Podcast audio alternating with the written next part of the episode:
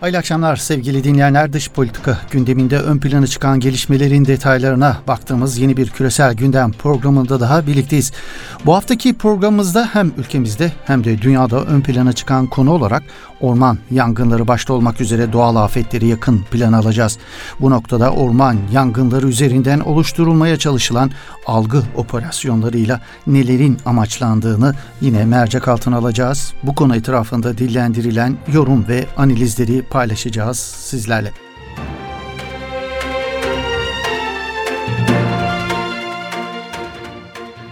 Güney sahillerimiz başta olmak üzere ülkemizin birçok noktasında aynı anda başlayan orman yangınları bütün gündemlerin önüne geçmiş durumda.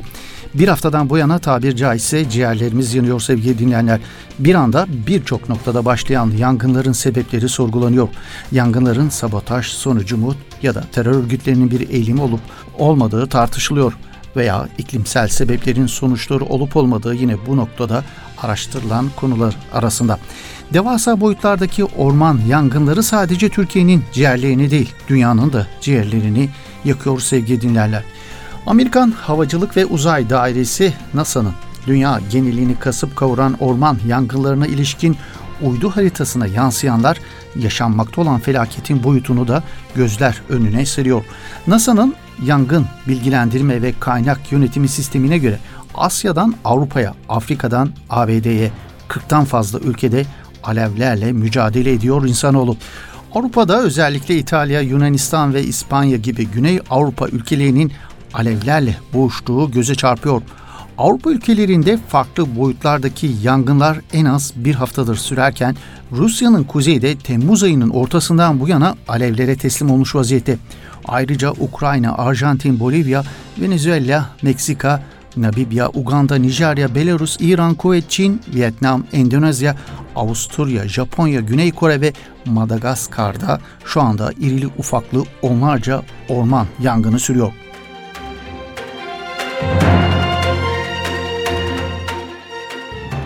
Yangınların tahrip ettiği, yakıp kül ettiği alanlara ilişkin verilen rakamlar da gerçekten ürkütücü. Rusya'nın en soğuk bölgesi olan Sibirya'da yaklaşık bir aydır süren orman yangınlarında tam 1,5 milyon hektarlık alanın yok olduğu kaydediliyor. Yangının etkili olduğu bölgenin Fransa'nın yaklaşık 5 katı büyüklüğünde olduğunu söylememiz felaketin boyutunu gözler önüne sermesi açısından önemli. Geçtiğimiz yıl Rusya'daki orman yangınlarının %80'i de yine Sibirya'daki Yakutistan'da çıkmış 5 milyon hektardan fazla alan yanmıştı. Amerika Birleşik Devletleri'nde çoğunluğu batıda olmak üzere 82 büyük ölçekli orman yangını aynı anda söndürmeye çalışıyor Amerikalılar. Ülke tarihinin en büyük orman yangınlarıyla mücadele ederken Kaliforniya eyaletinde tarihinin en büyük orman yangınında tam 200 bin dönüm alanın yandığı belirtiliyor.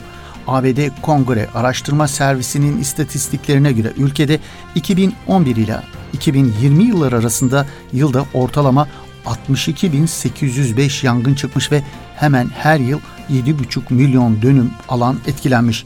2020'de 58.950 orman yangını çıkarken 10 milyon dönüm arazi yanmış Amerika'da.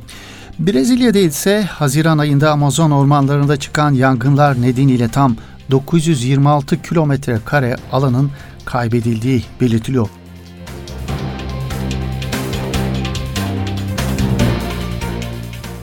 Dünya ekosistemini tehdit eden orman yangınlarına ilişkin verilen istatistikler yangınların önceki yıllara oranla çok daha geniş alanlara yayıldığını gösteriyor.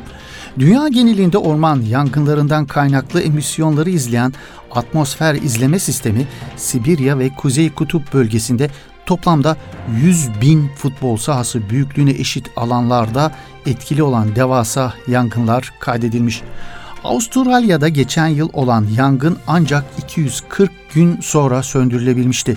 Tam 28 kişi hayatını kaybetmiş, 3000 konut yanmış ve yine tahminen 1 milyar hayvan zarar görmüştü.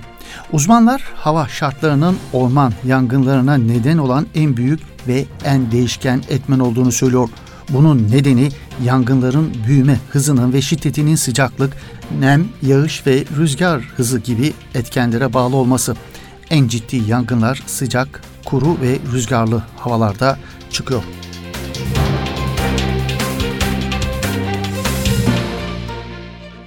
İklim değişikliği nedeniyle küresel ölçekte görülen hava olaylarına bağlı doğal afetler varlıklı ülkelerin dahi savunmasız kaldığını gösteriyor. New York Times'ın haberine göre Almanya ve Belçika'yı vuran sel ile Batı Amerika ve Kanada'da görülen aşırı sıcaklara bağlı yangınlar gibi felaketler zengin ulusların iklim krizinin sonuçlarına karşı hazırlıksız olduğunu gözler önüne seriyor. Dünyanın artık bir dönüm noktasında olduğunu söyleyen uzmanlar dünyanın tartışmasız bir iklim kriziyle karşı karşıya olduğunu vurguluyor. Her yerde alarm sinyalleri çalıyor adeta. Buzullar eriyor, ülkelerin iklimleri dönüşüyor, kuraklık dünyayı sarıyor. Evet dünya yaklaşık bir asırdır hızlı iklim değişikliği ve küresel ısınma tehlikesiyle karşı karşıya bu çok net bir şekilde görülüyor sevgili dinleyenler. Son 4 yılda üst üste sıcaklık rekoru kırıldı yerküre insan faaliyetleri nedeniyle tam bir derece ısındı. Birleşmiş Milletler ve Dünya Meteoroloji Örgütü gibi kuruluşların raporlarına göre dünya yaklaşık bir asırdır hızlı iklim değişikliği ve küresel ısınma tehlikesiyle karşı karşıya. Bilim insanları dünyanın en fazla 0.5 derece daha ısınmayı kaldırabileceğini dolayısıyla küresel ısınmanın sanayi öncesi döneme göre 1,5 derece artışla sınırlandırılması gerektiği noktasında uyarıyor. Sera gazı emisyonlarının salınımı mevcut şekilde devam ederse küresel ısınma artışı 2030 ila 2052 yıllarında 1,5 santigrat derece ısınığını geçecek ve bu yüzyılın ikinci yarısında ise sanayi dönemi öncesi seviyesinin 3 derece üzerine çıkacak. Ortalama sıcaklık sadece 1,5 derece daha artarsa dünya geri dönüşü olmayan tehlikelerle karşılaşacak. Neler mi olacak? Kuraklık, sel, deniz seviyesinde yükselme, kuzey buz denizinin erimesi gibi sonuçları olacağını söylüyor uzmanlar.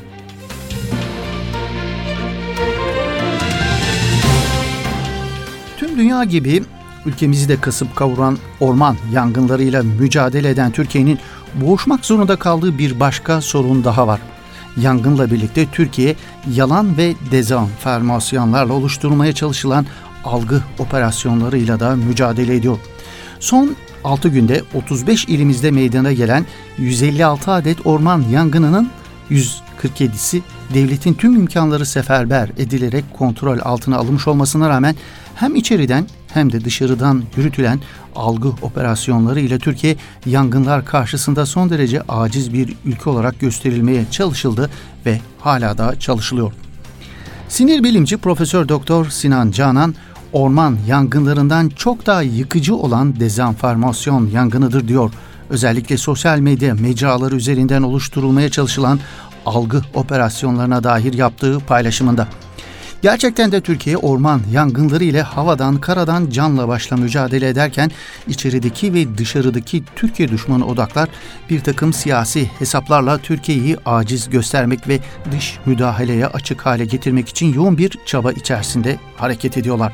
Sosyal medya hesaplarından tek bir merkezden düğmeye basılmışçasına hareket eden çok büyük bölümü de sahte hesaplar olduğu anlaşılan troller ordusu açtıkları Help Türkiye gibi çeşitli hashtaglerle açık açık dış müdahale davetinde bulunuyorlar sosyal medya mecralarından dış odaklara.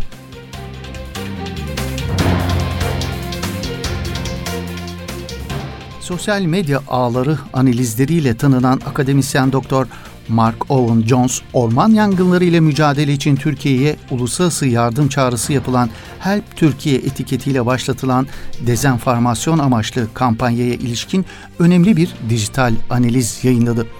Twitter'da 1-2 Ağustos arasında sosyal medya gündeminde yer alan Help Türkiye etiketinin 160 bin etkileşim ve 46 bin hesabı kapsayan analizinde Jones bu kampanyanın amacını dezenformasyon olarak tanımlıyor. Jones Help Türkiye kampanyasının Türkiye'yi zayıf, yetersiz ve çaresiz gösteren bir çerçevede tasarlandığını, kampanyanın büyüklüğü de dikkate alındığında bunun bir algı operasyonunu akla getirdiğini söylüyor. Sosyal ağ analisti Jones, FETÖ'cü Bülent Keneş gibi isimlerin bu etiketlerle yaptıkları Türkiye karşıtı paylaşımları da örnek olarak gösteriyor. Help Türkiye kampanyasında çok açık manipülasyon izlerine rastlandığına işaret eden Jones, konu hakkında en çok tweet atan hesaplarda dikkat çekici anormalliklere de dikkat çekiyor. Jones bir örnek olarak bu etiket altında en çok etkileşim gösteren ve sadece iki takipçisi olan bir hesabın 2 Ağustos'ta açıldığını, normalde birçok tweet bulunması gereken hesapta şu anda hiçbir tweet bulunmadığını çünkü algı operasyonu için etikete yazdıktan sonra tespit edilmeyi önlemek için hesap sahibinin tweetleri sildiğini belirtiyor. Daha fazla kullanıcının bu yöntemleri kullanarak gönderilerini ve hesaplarını silmiş olabileceğini belirten Jones, benzer yöntemlerin başta Körfez ülkeleri olmak üzere kullanıldığının bilindiğini ifade ediyor. Help Türkiye etiketi altında paylaşımlarda bu tür algı kampanyalarında görüldüğü gibi kopyala yapıştır taktiğinin de kullanıldığını belirten Jones, binlerce hesabın İngilizce hazırlanmış bir tweet'i etiket altına herhangi bir değişikliği ya da retweet yapmadan kopya bir şekilde paylaşıldığını da işaret ediyor. Jones, kim bu insanlara mesajı retweet etmek yerine aynı İngilizce içeriği kopyalayıp paylaşmasını söyledi. Bunun tamamen insanların hep birden bilerek yaptığı bir şey olması mümkün mü diye de soruyor. Tweetlerin zamanlamasına da dikkat çeken Jones, etikete yönelik etkileşimlerin Türkiye saatiyle 0016 gibi oldukça geç bir saatte zirveye ulaştığını kaydederken bu durumun anormalliğine de vurgu yapıyor.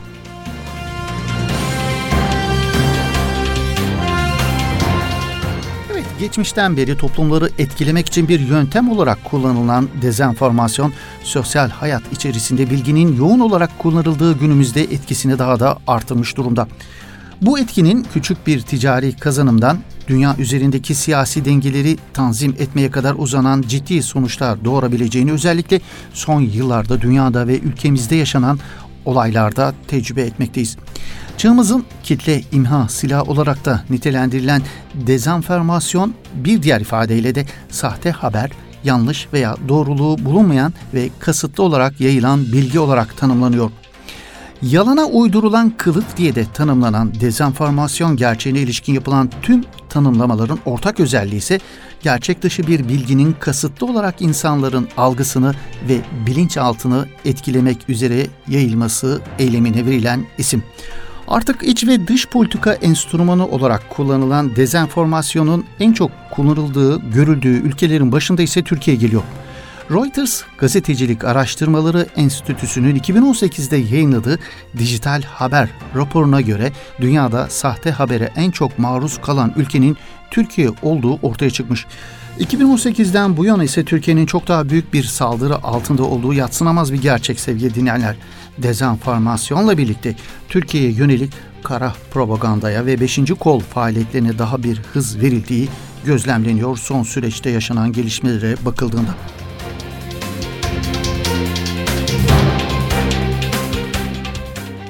Evet, orman yangınları üzerinden özellikle sosyal medya mecralarından yürütülen Türkiye karşıtlığı konusunda bugün ana akım medyaya yansıyan kimi değerlendirmeleri de paylaşmak istiyoruz.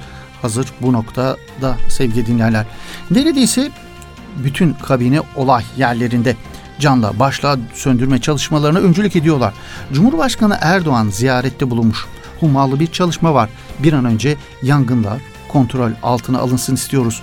Ama birilerin derdi yine ağaç değil diyen Sabah gazetesinden Hasan Basri Yalçın böylesi bir zamanda bile yalanlar üstüne kurulup provokasyon çalışmalarının devam ettiğini vurguluyor bugünkü yazısında. Yine örgütlü bir saldırı olduğunu belirten Hasan Basri Yalçın görev bölüşümü bile yapmışlar. Birileri hemen PKK'yı temize çıkarmanın peşine düştü. Birileri yalan haberler yapmaya başladı.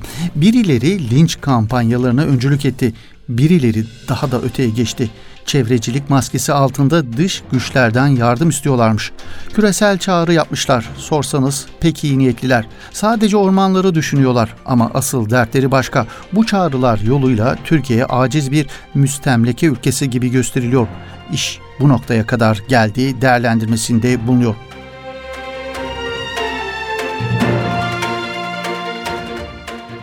yalan haber bombardımanının toplumun ruhsal ve kültürel sağlığını yıkmaya başladığını belirten Haşmet Babol ise daha fenasının bütün bunların çok normalmiş gibi algılanmaya başlandığının altını çiziyor bugünkü yazısında.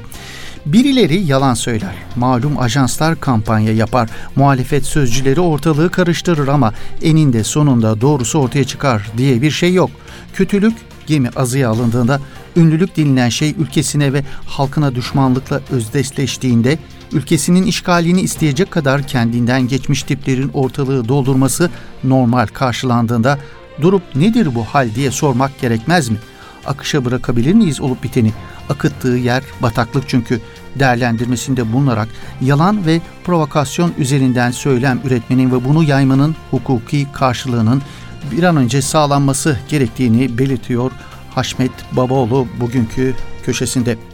Milliyet gazetesinden gazeteci Zafer Şahin Global Haydutlar başlıklı makalesinde Türkiye bir sosyal medya hareketiyle psikolojik olarak çökertilmek istendiğini söylüyor. Zafer Şahin'e göre yangını fırsat bilen global haydutlar bir taraftan Türkiye'yi müdahaleye açık, aciz bir devlet gibi gösterirken diğer taraftan da Dede Ağaç'taki Amerikan askeri gücüne selam çakıyor. Şu paylaşıma dikkat. Size çok açık bir bilgi vereyim mi? Bir sonraki seçimin ardından Dede Ağaç'ta artırılan ABD gücüne ihtiyacımız var diyor söz konusu paylaşım. Sosyal medya deyip geçmeyin diyor Zafer Şahin. Türkiye tarihinin bu döneminde bir büyük savaşta orada veriliyor. Pazar gecesi kafalarındaki senaryonun sinopsisini bize gösterdiler. Global haydutların saldırıları bundan sonra yoğunlaşarak devam edecek. Karadeniz'de yanan ilk gazın ateşini ve KKTC'deki Maraş açılımını hazmetmeleri kolay olmayacak diyor Zafer Şahin.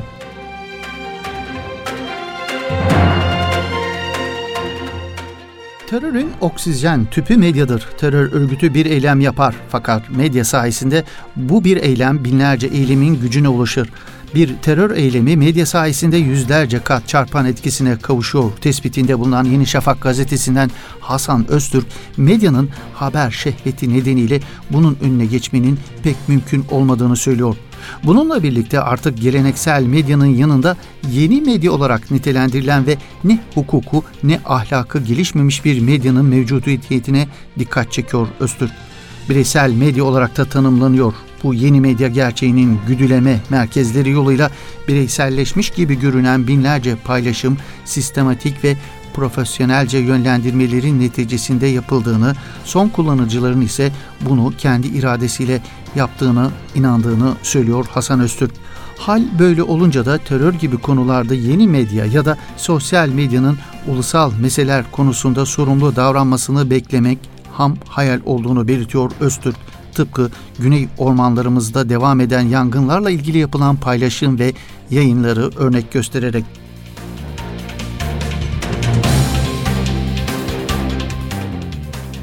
bugünkü küresel gündem programımızda dünyayı ve ülkemizi kasıp kavuran orman yangınları başta olmak üzere doğal afetleri yakın plan aldık. Doğal afetlerin sebepleri ve sonuçları kadar bu afetler üzerinden oluşturulmaya çalışılan algı operasyonlarına da değinmeye çalıştık. Evet yeni bir küresel gündem programında buluşmak ümidiyle. Hoşçakalın, esen kalın efendim.